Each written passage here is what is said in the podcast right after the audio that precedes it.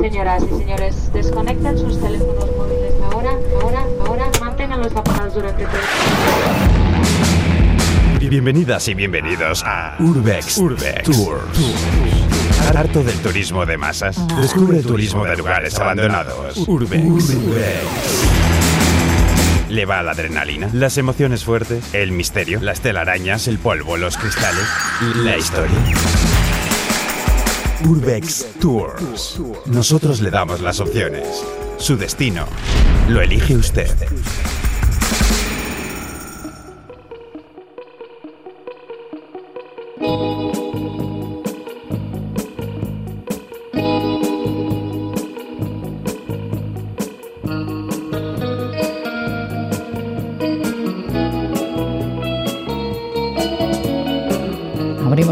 Viajes, una agencia que nos llevará a conocer lugares que un día quedaron abandonados, espacios en los que se respira polvo, humedad y cierto misterio. Es el Urbex, al que nos acercamos gracias a nuestro guía Inco Martín. Inco, ¿qué tal? ¿Cómo estás? Muy buenas, Miriam, ¿qué tal? Muy bien, ¿a qué lugar nos lleva hoy el Urbex? Eh, pues mira, me traigo la mochila llenísima de cosas, Oh. te voy a empezar a sacar. Eh, Jolín, tengo, pues mira, sí te he traído Sí. eh, botas, Sí. un plumi, una maquilla también, eh, cantimplora, un gorrito de lana, guantes también, bufanda. Eh, dime, ¿a dónde vamos? Bueno, pues intuyo ya Con de entrada esto. frío, naturaleza, montaña, bosques, ¿qué tal voy? Eh, vas muy bien, vas muy bien, sí, sí, sí, sí, sí. Pero vamos a afinar un poquito más, ¿vale? Eh, ¿Qué tal si le añadimos que caminaremos entre arces ¿Mm? con compañeros tal y como mapaches, castores u osos grizzly? ¿Eh? ¿Canadá? Canadá, eso es, Bueno, bingo, bingo. Estaba fácil. Sí, hoy nos vamos hasta Canadá para descubrir el urbex que esconden pues sus infinitos bosques, como no. Un urbex que, aviso, les va a encantar a aquellos amantes del misterio o incluso del terror, ya iremos viendo. Pero eh, no te preocupes, Miriam, porque tenemos, ¿sabes qué? Sirope de arce. Oh. Y en caso de que las cosas vayan mal dadas, pues le damos un lingotazo, un chute de azúcar y patas locas. Es Vamos, que me preparo para recorrer muchos kilómetros, ¿no? Sí, Muchos, es espeso, muchos. ¿eh? O sea, pero bueno, sí. bueno. Con esto podemos tirar, o sea, Canadá yo creo que nos lo hacemos como en un día.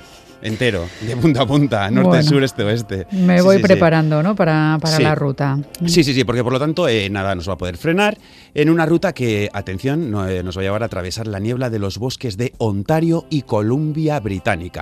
Y así descubriremos cosas como un pueblo muy curioso, eh, una casa bastante mareante, de mareo, y un cementerio que no sé cómo definirlo, dejémoslo en peculiar, por ejemplo.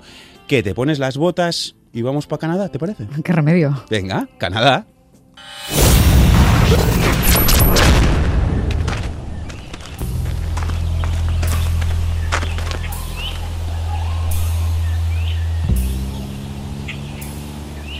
¿Cómo se explica, Inco, que tras kilómetros y kilómetros entre bosques, pisando Gastando pistas de tierra y gastando suela, dirección hacia la nada más absoluta, Sí. de repente, como por arte de magia, estamos pisando una pista asfaltada? Sí, sí, hemos pasado del barrazo al asfalto. ¿Tú has visto Twin Peaks, viste? Sí, En su y me encantó la serie, pero no sé si me encantaría formar parte de ella. ¿ya Es me un poco lo mismo. ¿Tú te acuerdas de la señora del leño? Sí, sí, me acuerdo, sí. Eh, y quedaría muy bien en esta zona. Tenemos que haberle invitado. Pero no quiero ser yo. fallo. Sí, sí. Yo tampoco, yo tampoco. bueno, pues mira, estamos exactamente en la Columbia Británica, primera parada en Canadá que hacemos. Y acabamos de llegar a un pequeño y aislado pueblo, que es muy idílico la zona además, que se llama Kitsault.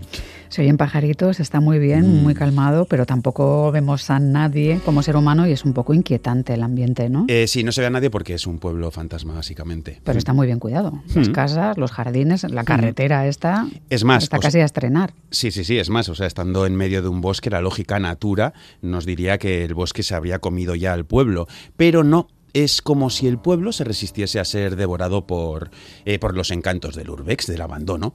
Y eso es lo que realmente inquieta en este lugar, que se mantiene eso, como, como si estuviese en formol. ¿Y esto cómo puede ser?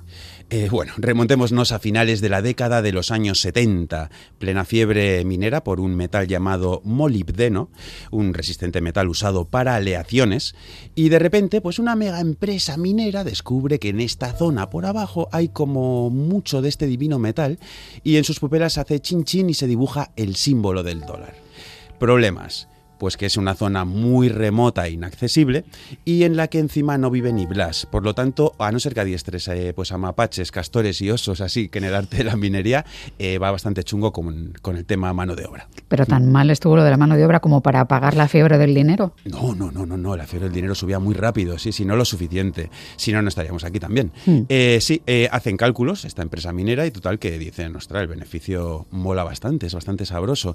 Así que vamos a construir un pueblo de la nada, Kitsault. Y todo lo que conlleva el negocio, ¿no? Se construye todo. Pues mira, fíjate, sin contar la infraestructura minera, eh, aquí se construyeron nada más y nada menos que 100 casas unifamiliares, 7 edificios de apartamentos, tendido telefónico, cablevisión, planta de tratamiento de aguas residuales y claro, para que los trabajadores y sus familias pues pudiesen olvidar que están en la nada, en un pueblo prefabricado, pues eso, en la nada boscosa, y evitar que hubiese una epidemia de sobredosis de sirope de arce para salir de por patas de aquí, pues también se construyó un pequeño centro comercial, una biblioteca que está justo en esa calle a la esquina, ¿Ah, sí? un cine, una escuela, gimnasio con piscina, ojo, y un hospital. Sí, sí, un hospital Sí. venía haciendo falta también. Sí, así que en el pues 1981 Kitsault quedó oficialmente inaugurado. Y se llenó de población, cines, bibliotecas y calles. Eh, bueno, tuvo un tope el pueblo de 1.200 habitantes que iban mucho al cine, que eso es muy bueno. Sí. Pero antes de que los coros escolares, por ejemplo, llegasen a perfeccionar sus cantos, sus bellos cantos,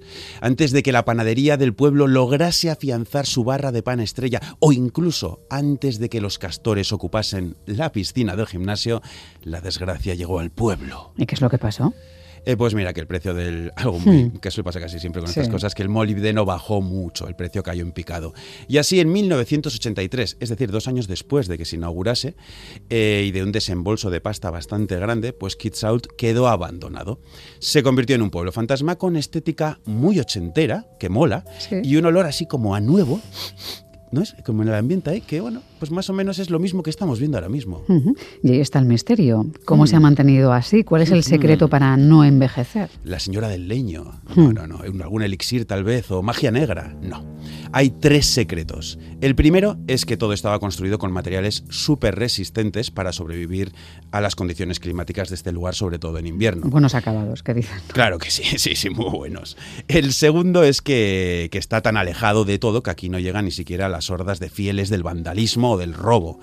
Y el tercer secreto se llama Krishnan Sudanciran, que es un exitoso empresario de origen indio que compró Kitsault y que por el momento se ha dejado dos millones de euracos en mantenerlo tal y como, como cuando fue abandonado. ¿Y para qué? ¿Ha invertido tanto aquí? Sé que se sabe. Eh, pues mira, su idea, que se sabe que este hombre, pues no sé, es un- tira un poco a un lado y para el otro. Su idea era crear una especie de resort paradisíaco, un- que el lugar mola, ¿eh? o sea que no está Mm. mal pensado, Sí, sí, es un sí, bonito espacio es. muy bonito y aquí pues eso, pues albergar como retiros espirituales, ecoturismo, un lugar donde practicar también senderismo, esquí en invierno, donde cultivar el alma, observar la fauna silvestre, pero pasaron, pues no sé, los años y cambió como radicalmente de opinión, de idea, y se decidió por hacer una planta de extracción de gas licuado. Sí, sí, sí que O sea, cambió, sí. Totalmente, Su idea, por totalmente. lo que sea, sufrió, Pues, sufrió un vuelco. Yo tengo mi teoría, demasiado sirope de arce. Sí, sí puede ser también. Sí, sí, sí. Pero tampoco ha hecho la planta, No, ni se ha empezado a mover mm, nada, ¿no? No, Que se de sepa. momento no, de Mm. momento no. Y por eso Kitsault tiene este aspecto tan inquietante. Es más, o sea, hay muchas fotos que se pueden ver y podemos pasar a las casas y veremos que está todo como cuando fue abandonado. Incluso el súper, el gimnasio, todo igualito a la espera de que alguien pues venga aquí a darle vida. ¿No te animas, Miriam? Pues lo de visitar un súper abandonado me suena interesante, la Es verdad, a la vez que inquietante, así Sí, que sí, sí. mejor no me arriesgo, que No he visto muchas series de zombies y suelen estar siempre escondidos al fondo del ¿Quién sabe? supermercado. Sí, sí, quién sabe si no estará la señora del leño ahí comprando, eh, yo qué sé qué, Por resina lo que tal sea, vez. no, no, esta vez no me arriesgo. Vamos a hacer una cosa, sígueme entre esa espesura boscosa que hay ahí delante y te voy a enseñar un sitio que igual sí que te mola más como morada. Vamos allá.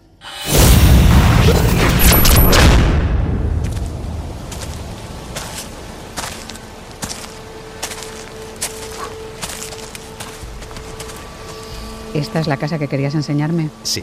Pues Sí. no, no creo que me mude aquí tampoco. Ah, ya te no. lo digo desde ahora. No lo descartes tan pronto. A primera vista puede ser que lo descartes, pero mm, espérate un ratín. Así cambias de opinión. Parece un agente inmobiliario. Sí, sí, sí, sí, Lo tienes durete, pero venga. Vale, mira, Prueba. nos encontramos al sudeste de Canadá en uno de los bellos y tupidos bosques de Ontario. Y perdido en este bosque, pues encuentra una misteriosa casa que trae de cabeza a más de un amante del urbex aquí en la zona canadiense. Pues a primera vista tampoco veo nada curioso, ¿no? Más que bueno, Eh, las típicas señales del abandono, pero vaya, no Sí, mucho más. eh, ¿no? ventana rota, Sí, roña, es. puertas semidestrozadas, los míticos par de coches abandonados ahí a los Con hierba dentro, Sí, sí, sí, con musguito ahí. Eh, pero como buenos explorers que somos, eh, y además nos gusta Twin Peaks, o sea, vamos a hacer un poco de agente Cooper, vamos a analizar al detalle todo lo que nos rodea. Tú fíjate en el aspecto, en los materiales con que, con que está construida la casa. ¿De qué época tú dirías que es, Miriam? Hombre, yo entiendo que esto es sesentero, ¿no? Que estamos mm, como en un viaje en los 60. Has clavado ahí, muy bien, muy bien. Según los sabios del Urbex, esta casa debió de ser abandonada entre los 60 y 70. Ahora fíjate en las paredes de ese lado. ¿Qué ves? Pues negro. Entiendo Negro. que son manchas de fuego, ¿no? O sea, Eso es, sí, uy, sí. Aquí hubo un incendio. Aquí algo Todo pasó, va algo empeorando. pasó, hubo fuego, sí, sí, tal vez eh, esa fuese la razón por la que la casa fue abandonada. Es más, lo más probable es que fuese abandonada antes incluso de ser acabada, porque no está acabada del todo. Mira, fíjate también en cómo tiene dos curiosos tejados a dos aguas, en paralelo, y separados por una especie de, como una, un tejadito liso. Sí, es- esta parte es curiosa, ¿no? la verdad. Sí, Sí, no lo sí, habíamos sí. visto nunca de momento. Es muy, yo no lo había visto jamás. Pero más curioso aún es que la casa se apoya sobre una especie de base circular de cemento, que es como, como una especie de plataforma bajo la cual hay un sótano gigante, enorme. ¿Y qué es la plataforma exactamente? Eh, pues mira, una plataforma giratoria. Estás, estás ante una casa giratoria. Una casa giratoria. Eso es, sí, sí. Sería más exacto llamarla eh, casa solar. Son un tipo de casas que, que giran buscando la mejor orientación hacia el sol y así van acumulando calor en el sótano y por la noche ese calor sube y calienta toda la casa. Una cosa que viene muy bien para los duros inviernos canadienses. Mm. Sí, son un tipo de casas que se pusieron de moda entre los pues eh, friki hippies de la época, los más adelantados y modernos de eso, de la época de los años 60-70. Pues algo pasó aquí porque empezó como un triunfo, pero no acabaron de. Yo creo que era demasiado de adelantada para su ¿no? época. Sí, era demasiado adelantada, sí, sí. Porque ahora, con todos los problemas del cambio climático, los precios de la energía y y patatán, este tipo de casas se están poniendo de moda, pero con paneles solares en el tejado. Así que Miriam, oye, igual es una buena oportunidad inmobiliaria. O sea, solo hay que poner los paneles, darle una manita de pintura, que yo te ayudo con eso si hace falta. Y listo, es un buen lugar, ¿eh? Tenemos tiempo Mm. de hacer chapuzas ahora en, en los viajes urbex, no creo. No, ostras, ¿sabes que he perdido el sirope de arce? Claro, y ahora querrás ir a buscarlo, ¿no? Eh, hombre, la vida sin sirope de arce es muy amarga. También te digo que igual se nos hace de noche. Por eh. eso tú tira, Cuidado, tira. cuidado.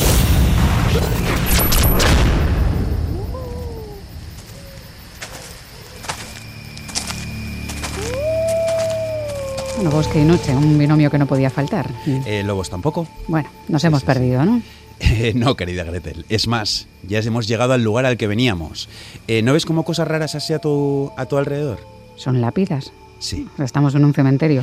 Super combo. Tenemos bosque, noche, lobos Sí. y cementerio. ¿Qué más se puede pedir? Sí, sí. Pero ojo que este no es un cementerio cualquiera. Además de estar abandonado, las almas que descansan en él no pertenecen a lo que cualquiera podría imaginar. Como se nos ha hecho de noche en un cementerio y no sabemos ni dónde estamos.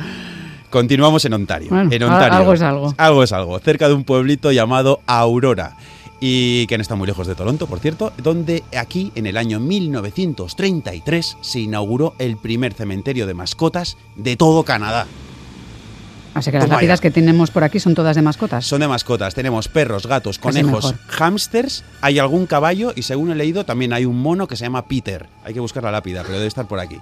Estás ante el cementerio llamado Happy Good Lawn, que significaría algo así como el feliz prado de madera o de palos o de... qué sé qué. Bueno, muy happy la verdad es que no parece. Mm. No sé, igual es también que sea de noche, no acompaña demasiado. ¿De dónde sale mm, esta idea? ¿Por, por qué aquí un cementerio de mascotas y casi no hay nada alrededor? Eh, pues mira, sale de las mentes de un tal Víctor Blochin y de Annie Wilson, que son una pareja, marido y mujer, que no solo fundaron el cementerio, sino que también vendían ataúdes para mascotas a un precio de 50 dólares, depende del animal, está bien, para caballo está bien, para un Yorkshire tal vez no, y que tras los entierros ofrecían té a los familiares pues para pasar el, el mal trago, para pasar mejor el duelo. ¿Y cómo se les ocurrió la idea a estos emprendedores de, Todo empieza en Víctor, Víctor del- Blochin. de lo oscuro? de lo macábrico. Pues mira, Víctor eh, fue un, un mayor del ejército ruso y tras diversos avatares durante la Primera Guerra Mundial, siendo preso conoció y se hizo muy colegui de un aristócrata escocés que tenía un castillo y que era criador de perros. Total que ya liberados ambos se fueron a la Villa Escocia y el aristócrata le regaló a Víctor una West Highland White Terrier, a la cual Víctor bautizó como Snetska, que es copo de nieve en ruso. Luego Víctor, pues nada, se mudó a, a Canadá y comenzó a criar sus propios terriers, con Snetska como, madre de la, de la estirpe. Después conoció a Annie, se casaron, criaron infinidad de perracos con los cuales ganaron cientos y cientos de concursos caninos y llegó un día en el que la pobre Snetska murió. Ay. ¿Qué hicieron para despedir a Snetska? Este cementerio. Ella fue la primera mascota que, que se enterró aquí abajo. Bueno, parece que la idea cundió en el entorno. Y, ¿Por qué llega el abandono del cementerio? Eh, bueno, pues la Fallecen pareja... ellos, ¿no? Eh, sí, sí, sí. Mira, la pareja mantenía el cementerio produciendo y vendiendo comida para perros y luego, curiosamente, dando clases de ajedrez. No sé, serían muy buenos.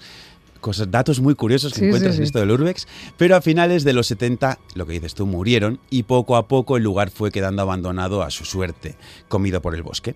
Y mira que es curioso eso, ¿eh? que un cementerio muera, pero bueno. Eh, sin embargo, en la última época, hace pocos años, ha surgido un movimiento que está intentando recuperar el cementerio y que pase a tener estatus de patrimonio histórico. Bueno, pero vamos a ver ya. si logran sumar suficientes votos, ¿no? Estaría Porque muy bien. Mucha gente no habrá sí. por aquí. Primer ¿no? cementerio de mascotas de Canadá hoy, hay que hacer Ujú. algo, ¿no? Echamos un chupito de sirope de arce por todos los animales, los presentes y los, y los ausentes. Los Bueno. presentes nosotros somos, ¿eh? No sé si acepto tu propuesta que nos toca pasear de vuelta un ratito, sirope, ¿no? Dios mío, para ingerir eso, uf, puede pasar rato. Vamos sí, allá. sí. Venga, a pasear. Agur. Agur, agur. Ad- Adrenalina, misterio, historia. Urbex Tours. Turismo de lugares abandonados. Con, con Miriam Duque e Inco Martín. Porque abandonado no significa vacío.